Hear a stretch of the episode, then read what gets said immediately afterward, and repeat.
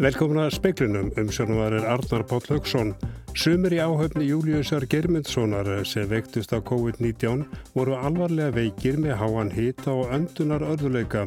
Áhöfninni var bannað að minnast á veikindin á samfélagsveilum eða við fréttamenn. Sterkur grunur er um að riðu smitt hafi greinst á þremur bæjun til viðbótar í Skagafyrði. Verið þar staðfest er útlið fyrir að um 3000 fjárverði skorið niður. Framkvæmdastjóri samtaka fjármála fyrirtækja segir að vera Íslands á gráðu lista FATF síðasta árið að veri til vandraða fyrir minni lítil íslensk fyrirtæki og einstaklingar. Hún óttast þó ekki langtíma árið þar sem fljótaði verið gripið í taumana. Bannað verður að selja áfengi í Danmörk eftir klukkan 10 á kvöldin. Gröfur um síðagrimur verða hertar og fleiri en 10 með ekki koma saman. Samkvæmt nýjum sótvarnareglum sem kynntar voru nú undir kvöld. Sumir í áhöfnu Júliusar Germundssonar sem höfðu veikst af COVID-19 voru alvarlega veikir með háan hita og öndunar öðuleika. Livjabyrðir voru ekki nægar um borð og því þurftu að handvelja þá sem voru veikastir og þurftu á verkjalifjum að halda. Þetta kemur fram í tilkynningu verkalýsfélags vestfyrðinga. Alls eru 13 af 25 úr áhaupt skipsins í einangrun með COVID-19. Verkalýsfélagið átti í dag fjarfund með sínum félagsmönnum sem eru í áhaupt skipsins. Verkalýsfélagið segir að á þeim fundi hafi komið fram að ástandið um borð hafi verið mjög alvarlegt.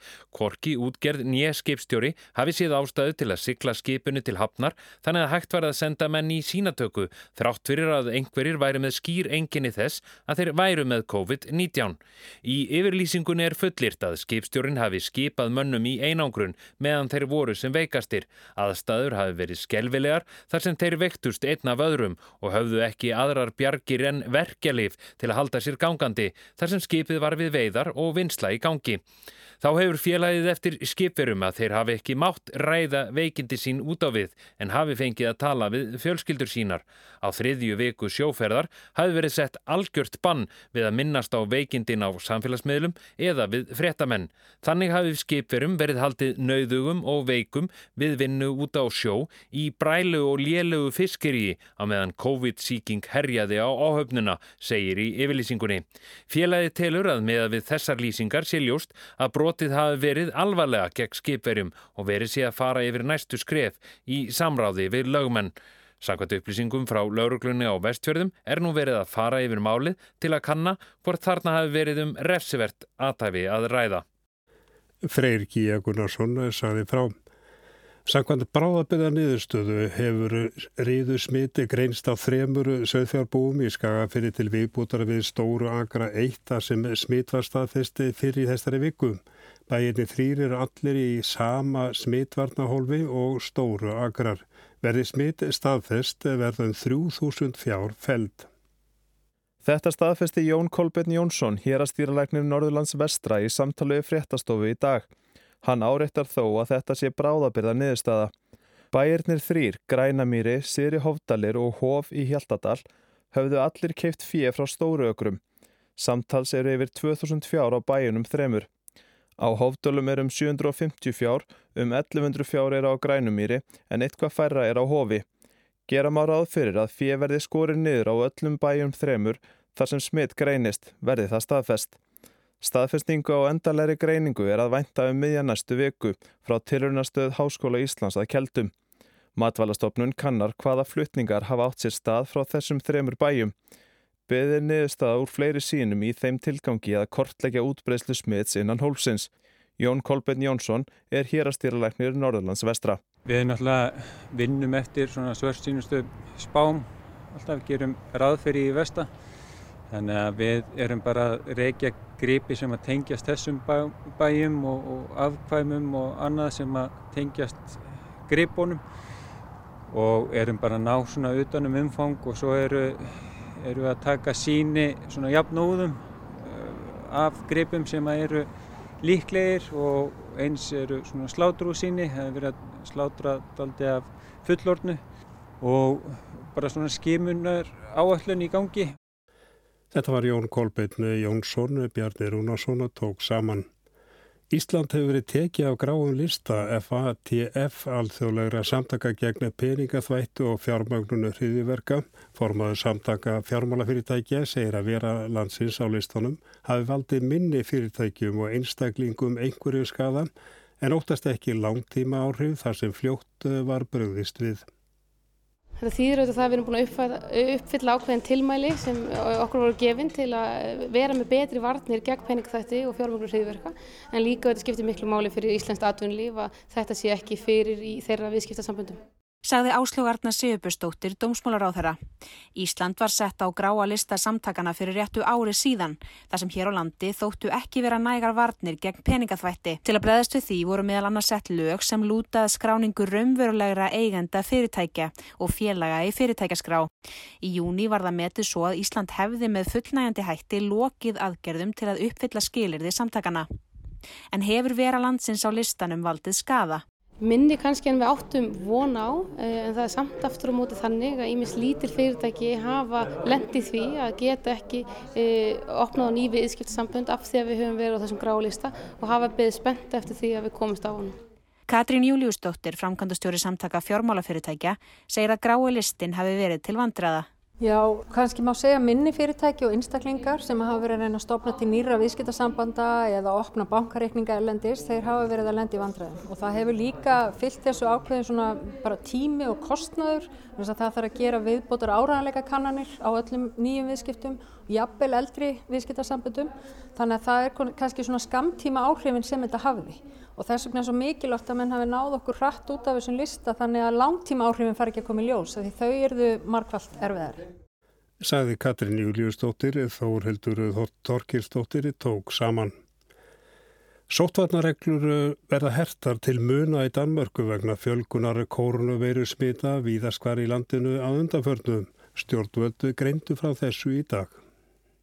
Mette Fredriksson fórsættisir á þeirra sagði þegar hún kynnti hinnar nýju reglur á fundi með frettamönnum undir kvöld að ef ekki erið brúðist við fjölgun smita væri hætta á að ástandið færi gjörsamlega úr böndunum. Því hefðu stjórnveld ákveðið að herða sóttvarnareglur enn frekar í vonum að hæja útverðislinni. Samkvæmt nýju reglunum mega einungis tíu koma saman í stað 50 áður. Sala áfengis eftir tíu á kvöldin verður bönnuð, jamt á börum og veitingahúsum sem í matföruverslinum og sjóppum. Já, framt verður hert á reglum um hlýfðargrímur. Metti Fredriksson sagði að hér eftir þyrti fólk að bera þær innandýra þar sem fólk safnast saman, svo sem í verslunum eða verslana í kvikmyndahúsum, sjúkrahúsum, menningarstofnunum og í framhaldsskólum. Det er supermarkeder, for eksempel storcentre, biografer, på hospitaler, kulturinstitutioner og ungdomsuddannelser, for bare at nævne nogle af eksemplerne. 859 veiru smitt greindust í Danmörku síðastliðin sólarheng. Þau voru 760 sólarhengin þar á undan og höfðu þá ekki verið fleiri síðan í vor. Við það tækifæri sagði Metti Fredriksson að við þetta ástand yrði ekki unnað, reglurnar yrði að herða. Áskýr Tómasson saði frá. Dröga frumvarfi um tilfærslu postmála frá post- og fjarskiptastofnun til byggðarstofnunar voru byrti í samráðskáttu stjórnvata í dag með því á að leytast við að tryggja jafnan rétt landsmanna til alþjónustu pósins. Samkvæmt frumvarpströgunum er byggðarstofnun falið það stjórnsýslu hlutverk að hafa eftirlit með postþjónustu sem post- og fjarskiptastofnun hefur nú. Með því er þið áframtryggð hagkvæm, skilvirk og áraðanleg postþjónusta um allt land og til og frá landinu, segir í tilkynningu á VF samgöngu og sinns. Með tilfærslunni er því afframt hægt að samhæfa betur byggðasjónamið og postmál en höfðustöðar byggðastofnunar eru á söðarkróki. Stendur að því að leggja frumvarfi fram samhliða nýjum lögum um post- og fjarskiptastofnun en það er hluti af hildar yfirferð á laga um hverfi stofnunarinnar. Frumvarfið er þó ekki háð þeirri hildar yfirferð en þar segir að minni umsvið í almennum brefasendingum gefi tækifæri til að einfalda hlutverk ríkisins þegar kemur að postjónustu. Mikilvægt sé þó að gæta að jafnbræði landsmanna við slíka einföldun. Frestur til að sendin umsögnum frumarpið er til fjóruða november. Andri Irkill Valsson saði frá.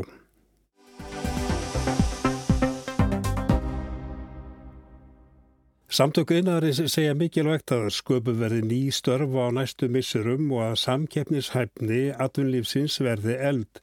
Íslenskur innar geti veitti kröftu að viðspyrnu til að leggja grunna nýju háastarskeiði.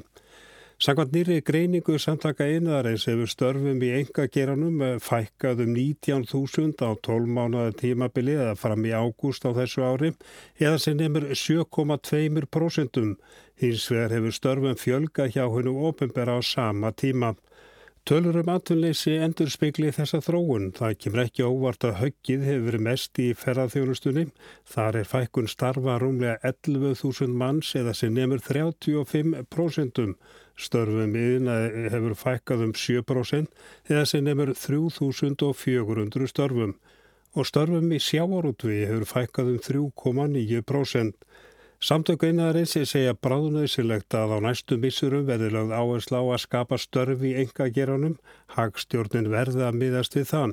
Nauðsilegt sé að skapa ný störf til að ráða bóta á þeim með bráðavanda sem nú blasi við. Atvinnleysi sé samfélagslega minnsemt og mikilvægt sé að ná því nýður sem fyrst. Mikilvægt sé að búa fyrirtækjum rétt skiliri til aukinar verðmætasköpunar, samtökinni segja verkefni peningamála, og ofinbæra fjármála sé að milda niðursöfluna og mynda grunn fyrir kröftuga viðspyrnu hagvastar eins fljótt og auðu er. Betra sé að gera á mikið en á lítið. Hætt sé við að niðursöflan í hagkerfunu verði dýbri og meira langvarandi án nægilegra aðgerða á sviði hagstjórnar. En hvað vilja samtökuðinarins að gert verði? Ingólur Bendir, aðalhagfræðingur samtakana, segir að fyrst og fremst sé litið til peningamálana og ofinbera fjármála. Og við búum nú það vel að báðum þetta vikstöðum staðið svona betur heldur en ja, flestunni ríki í því að taka á þessari niðursöflu til að mynda með þér stýrivexti í, í upphæði farðisins sem voru að tærri heldur en gengur og gerist og við höfum getað tekið þá niður til þess að auka því fjárhastingu og, og, og eftirspilni í hækjörunu. Við höfum getað beitt peningamálum meira heldur en annars staða það sem er stýristur hafa verið jáfnvel undir núlinu uh, þegar faraldurinn skalla á. Og síðan er hitt og verið fjármálum stóður mjög vel í uppæði faraldurins það sem skuldast að þeirra var til dælu góð. Uh, Ríkisjóðu stóð afskaplega vel. Hvað það var þar og við höfum getað nýtt ríkisjálmannin að talsverðum tunga til þess að vinna á móti þessar nefnseflu og þó svo að við stöndum núna og erum að sjá að skuldundarna veikast rætt og þá enga síður er staðið ríkisjálmannin til til að góðu með við uh, mörg önnur ríki og við getum enn nýtt þetta tæki til þess að verja störf og, og undirbyggja kröftu og viðspyrnu og, og fjölgunstarfa. Hann bendir á að efnaðarspár hafi verið að vestna eftir því sem faraldurinn er dregst á langin. Það sem við getum gert tátið þess að mæta svartari myndi í þessu er að eins og segir, lækka stýrifjöxtu meira. Við erum með reyndar mjög lága stýrifjöxtu 1%, það er alveg hægt að nýta það segur. Um, það er líka í peningamálum uh, hægt að fara út í aðgerið sem að tryggja betur að stýrastarlækkarinnar skilir sér í útlánum til uh, fyrirtæki kannski sérstaklega. Eða með öðrum orðum að stýrivastalækkun verði til þessa lækka vexti. Hann segir að þá sé hægt að beita ofinbjörnum fjármálum til að auka samkeppnishæfni aturlýfsins, ekki bara til að verja störf heldur líka til að skapa störf. Og þar hefum við verið að benda á uh, aðgerður á sviði nýsköpunar, uh, innviða framkvendir, uh, uh, aðgerður í mentamálum og síðan hefur almenna bara að bæta starfsum hverju fyrirtækja með til að mynda lækkun og álöfum. Samtökjun séu sátt við þær áherslu sem koma fram í bæði fjárlögum eða fjárlega frumvarpinu og fjármála áætlun en að hægt sé að gera meira ef þörf grefur. Samtök einaðarins er leggja áherslu á að einaður geti veitt öfluga viðspyrnu til að koma okkur upp úr nýðursöflunni en er það samfarrandi og er íslenskur einaður samkeppnis hæfur. Ingólfur bendir á að íslenskur einaður sé stór, einn af hverju fimm starfi einaði, hann sé líka fjölbreytilegur. Einaður hafi skapað mjög mikið af þeim störfum sem eru til eftir síðustu kreppu þegar maður lítir í þá viðsvöldin sem að fara núna þá teljum við að með sko réttum fórsöndum því að, að skapa þessar samkjömsefni ekki bara þessara greina heldur líka bara almennt fyrir atvinnulífið að þá sé einarinn í, í góðri stöðu til þess að vera hérna, líkt og að vera síðustu uppseflu verulega stóri fyrir viðspilni sem að kemur til með þá eh, mynda grunn af nýju hagvastaskiði.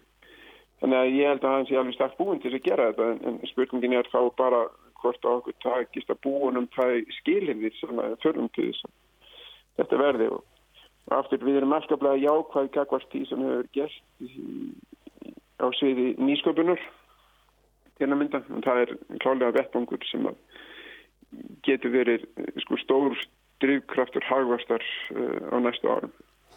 En svona aðeins þegar menn líta fram í tíman að þá er það mjög erfitt en svona hvernig já, sjáu þið eða samtök yðnaðarins fyrir sér að, að þessi já, kreppa e, þróist? Já, þetta er kreppa sem kannski mótast öðru feðmur að, að sko sóttörnum og, og áhrifum þeirra þá á og áhrifum veirunar á starfsemi hagkjara og hér heima líkt og erlendis. Og þetta er að hafa vítæk áhrif. Eh, lausnin eh, fælst náttúrulega í því hvenar finnst bólefn og hversu fljótt verður hægt að dreifa því og skapa þetta hér ánami sem að þörfur á til þess að koma þessu almenna á stað. Þetta er allt reyðið á, á langin sem ég segi og, og, og, við þurfum að vera undir það búin að, að hérna að þurfa að taka á þessu svona tíma enn þegar hins vegar þetta leysist þá held ég að Íslands hafkerfi sé vel í stakt búið til þess að, að hér sé til dæla kröftu við vöxtur. Ég held að hann sé ekkit endilega að fara að gerast með sömu fórsendum að hann gerist eftir 2008. Ég held að eh, saðan kenn okkur það eftir svona áfall og þá er sjálfast þannig að hann gerir ísu með sama mótu og var fyrir áfallið. Og þannig erum við að benda á að, sko tæki fyrir okkar liggja á sviðum líkt á nýsköpun og einaði og í ögnabíkinu líka í uppbyggingu á innviðum eh, sem er þá til þess fallið að geta undirbyggt hagvöxt til lengt tíma. En uh, það er að sjálfsögðu ferðarþjóðar sem bara fer vest út úr þessu uh, hún mun kannski eiga erfitt uppdráttar þó svo að það finnist bóluefni og, og menn vinni buga á verunni. Þetta dæmi, líkt og fjölmörg önnur dæmi í íslenski hagsöðu, kenn okkur það það er næstum að vera með fjölbreytt efnaðslýf. Eh, þannig að áfæðið einni grein sé ekki að hafa vítak áhrif og alla stafsemi haggerðusins og það er það sem við þurfum náttúrulega að horfa til þegar við lítum á nú hvernig við ætlum að byggja þetta haggerðu upp að nýju. Við þurfum að gera það með fjölbreytt vætti og og eðnærin er sjálfsög mjög fjölbreyttur. Við erum með kannski þrjár megin stóðir er byggingar einnar og framlöslinnar og síðan hugverka einnar og eina þess að greina eru fyrirtæki sem eru bæði að starfa bara einvöringu hér á einlundumarka og sem eru mjög stóri í, í gjaldarsöflum lítil meðalstór fyrirtæki og, og mjög stór fyrirtæki og það er reyni svona flóra sem við förum að að byggja upp fjölbyrð starfsemi að fyrirtækjum sem að hérna, getur þá verið grundullur vel raunar að starfa hér á landi. Þetta var Ingólfur Bender. Sænska, sænska þjóðkirkjana ætlar að byggja sama afsökunar á þáttöku kirkjunar í nýlendu stefnu gagvar þessum frumbyggjum í norður Svíþjóð. Sænsk stjórnvöld hafa verið gaggrínd á alþjóða vettvangi fyrir að gera ekki nóg til að tryggja réttindi sama. Samar eru frumbyggjar Norðurlandana og hafa stundar þar hjarðbúskap og veiðar árþúsundum saman. Talið er að um 80 til 100.000 samar séu í heiminum, þar af 20 til 40.000 í Svíþjóð eftir því við hvað er miðað. Þegar sænska ríkið fór að sækjast eftir yfiráðum og auðlindum í lendum sama í fjallendi norður Svíþjóðar fylgdi því kynþáttaheikja og nýlendukúun bæði efnagsleg og menningarleg. Sænska kirkjan let fyrir nokkru skrifa kvítbók um þáttöku kirkjunar í þessari kúun. Það er meðal annars fjallað um hvernig kirkjan þvingaði sama til að taka kristni, láta skýra sig og lesa biblíuna á sama tíma og helgistaðir sama voru eigðilagðir. Samar tóku oft upp sænsk nöfn í stað sína samísku nafna og um langt árabil var samískum börnum bannað að tala tungumál sitt í skólum. Þá kom sænska kirkjan að kynþáttaransóknum sem síðar urðu allræmdar og engin vísendalegur grunnur er fyrir. Samar voru kallaðir lappar og því haldið fram að þeir væru af kynþætti sem væri í eðli sínu óæðri þeim sænska. Þessar rannsóknir aðstóðaði sænska kirkjan við. Gerðar voru mælingar á höfuðlægi fólks, auk þess sem svíjar rændu líkum úr gröfum og seldu á söpn. Sumar þessar líkamsleifa eru enn á söpnum, meðal annars í uppsölum, þrátt fyrir að samar krefist þess að þær verði jarðsettar að nýju. Sænska ríkið bað sama formlega afsökunar á nýlandukúun sinni árið 1998. Samar eru í dag einn af opinberum þjóðverðnis minni hlutum í Svíþjóð á samt finnum, gýðingum og rómafólki og sem slíkir nýtur menning þeirra og tunga sérstakrar verndar. Í Svíþjóð er líka sérstakt þing sama, líkt og í Noregi og Finnlandi. Og nú ætlar sænska kirkjan að byggjast afsökunar og það þannig að mark sé á takandi. Svenska kyrkan som statskyrka har i det förflutna varit delaktig i en historia som har inneburit förtryck av vårt eget urfolk. Kirkjan hefur verið virkur þáttakandi í kúun á okkar eigin frumbyggjum, saði Antje Jakkelin, erkibiskup sænsku þjóðkirkjunar í byrjun mánadarins. Þetta hefur valdið þjáningum kynnslóð eftir kynnslóð. Det finns ju exempel på att det har betts om ursäkt i olika sammanhang tidigare och det har inte varit ordentligt förberett och då har det känts nästan som att... Hún bætti við í útvarsviðtali fyrir nokkrum dögum að þess væri dæmi að fram hafi komið afsökunarbeðinni án þess að hún hafi verið nógu vel undirbúin og þá er næstum eins og hún sé bara orðin tóm. Þetta viljum við alls ekki. Kirkjan hefur því verið að funda með samtökum sama nú í haust til að undirbúa afsökunarbeðinina og ræða hvað kirkjan geti gert til að bæta fyrir framgöngu sína. Ósa Larsson Blind, talsmaður samtaka sænskra sama, tekur vel í umleitanirnar og sagði sænska ríkisútverfinu að kirkjan virðist hafa metnað til að gera þetta á réttan hátt. Det signalerar att man har en ambition att göra det här på rätt sätt. Larsson Blind vill að kirkjan noti aflsitt og áhrif til dæmis til að þrýsta áum að sænska ríkið staðfesti álygtunum réttindi frumbyggja þjóða og réttindi sama til vass og jarðnæðis. Þessi réttindi eru nefnilega ekki nóg vel tryggð að margra mati.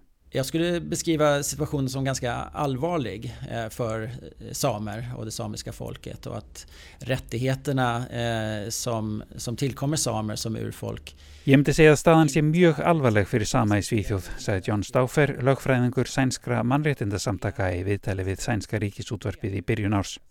Réttindi sama sem frumbyggja séu ekki virt nógu vel og ekki tryggð nógu vel í lögum. Það þurfi að tryggja réttindi sama þegar kemur að vatni og jarðanæði, auka sjálfsákvörðunar rétt sama og mentun þegar kemur að samískum tungumárum og verndun menningarafsins. Svipuð gaggrinni hefur verið sett fram á alþjóðvettvangi. Ekki sé nógu vel hugað að því að vernda samísk tungumál og svo hefur Svíþjóð enn ekki staðfest álygtun alþjóða vinnumálastofnunarinnar um réttindi frumbyggja. Samar unnu þó ákveðin sigur fyrir domstólum fyrir á þessu ári þegar hæstiréttur hér í Svíþjóð viðurkendi engarétt samískra reyndýrabænda á veiðum í stórum hluta norður Svíþjóðar rétt sem þeir höfðu verið sviftir árið 1993. Samar sem sænska ríkisútvarpið rætti við nú í byrjun árs sögðust vilja geta synd menningu sinni og síðum án þess að þurfa að fara í felur með það eða skammast sín. Kanske vi borde ha mera information om samisk kultur i samhället så att vi får möjlighet att utöva våra traditioner, våra samiska traditioner utan skamkänsla. Sagði Elisabeth Hallnor. Þetta er Kári Gílosson sem talar frá Gautaborg.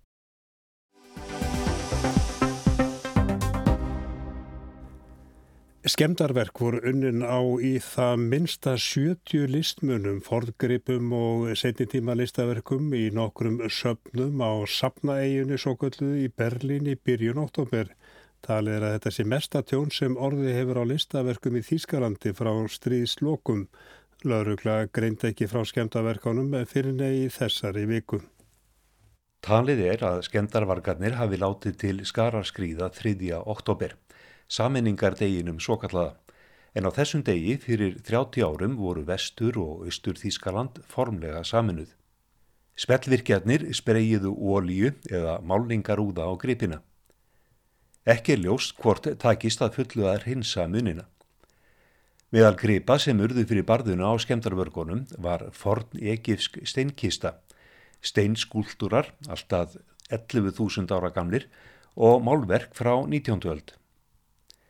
En liggur einhver önnur ástæða en helber skemdar fýst þarnaða baki og hvers vegna var ekki greint frá spellvirkjónum fyrir en þriðjudaginn 20. oktober, 17 dögum eftir verknæðin.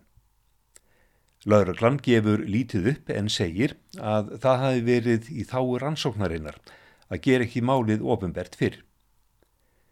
Í þýskum fjölmjölum eru vangaveltur um hvort dagurinn 3. oktober hafi verið tilvílun og hvort auðga hægrimenn hafi verið að verki, menn sem aðhyllast samsæriskenningar af ímsu tægi. Spjótin hafa beinst að attila nokkrum hildmann. Hann hefur verið duglugur að smíða samsæriskenningar um COVID-19 faraldurinn, staði fyrir mótmælum gegn sóttvarnar aðgerðum stjórnvalda í Berlín og á nokkur þúsund fylgjendur sem styðja hann og hans málflutning. Hann heldur því fram að Þíska ríkistjórnin sé handbendi Bill Gates sem vilji koma á eftirlits þjóðfélagi og noti koronaveiruna í þeim tilgangi.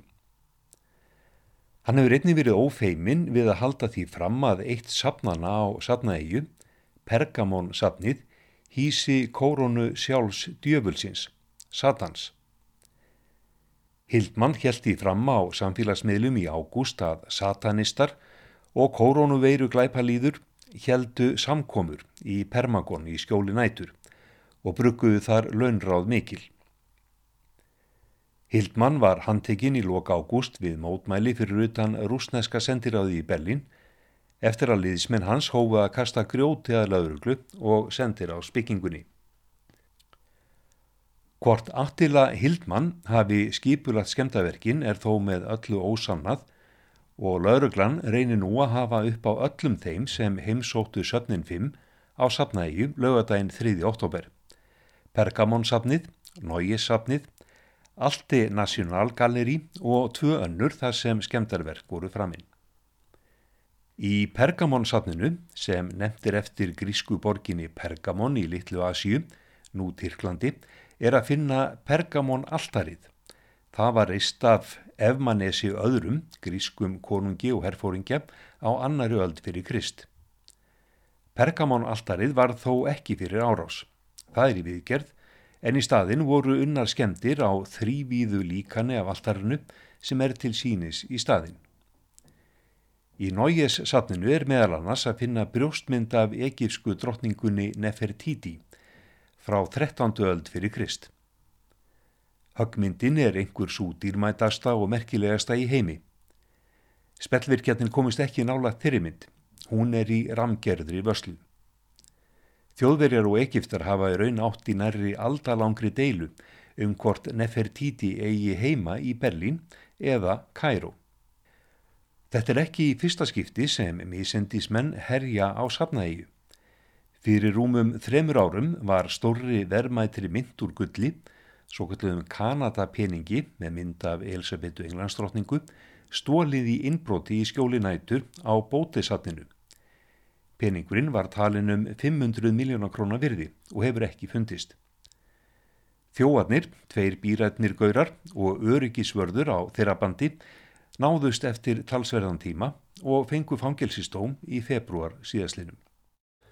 Kristján Sigurjónsson saði frá og við ljúkum svo veðrunu minkandi austanátt og regning með köplum við 8 til 13 metrar á sekundu sent í kvöld. Hversir áttur í fyrramálið við að norðaustan 13 til 18 á morgun en 18 til 25 í vindstrengjum söðaustalands og um landi norðvestanvert.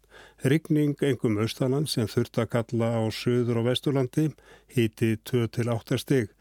Og við minnum á sjóansvettir nú klukkan og eftir en það er ekki fleira í speiklunum. Tæknumæður var Mark Eldred, verið sæl og góða helgi.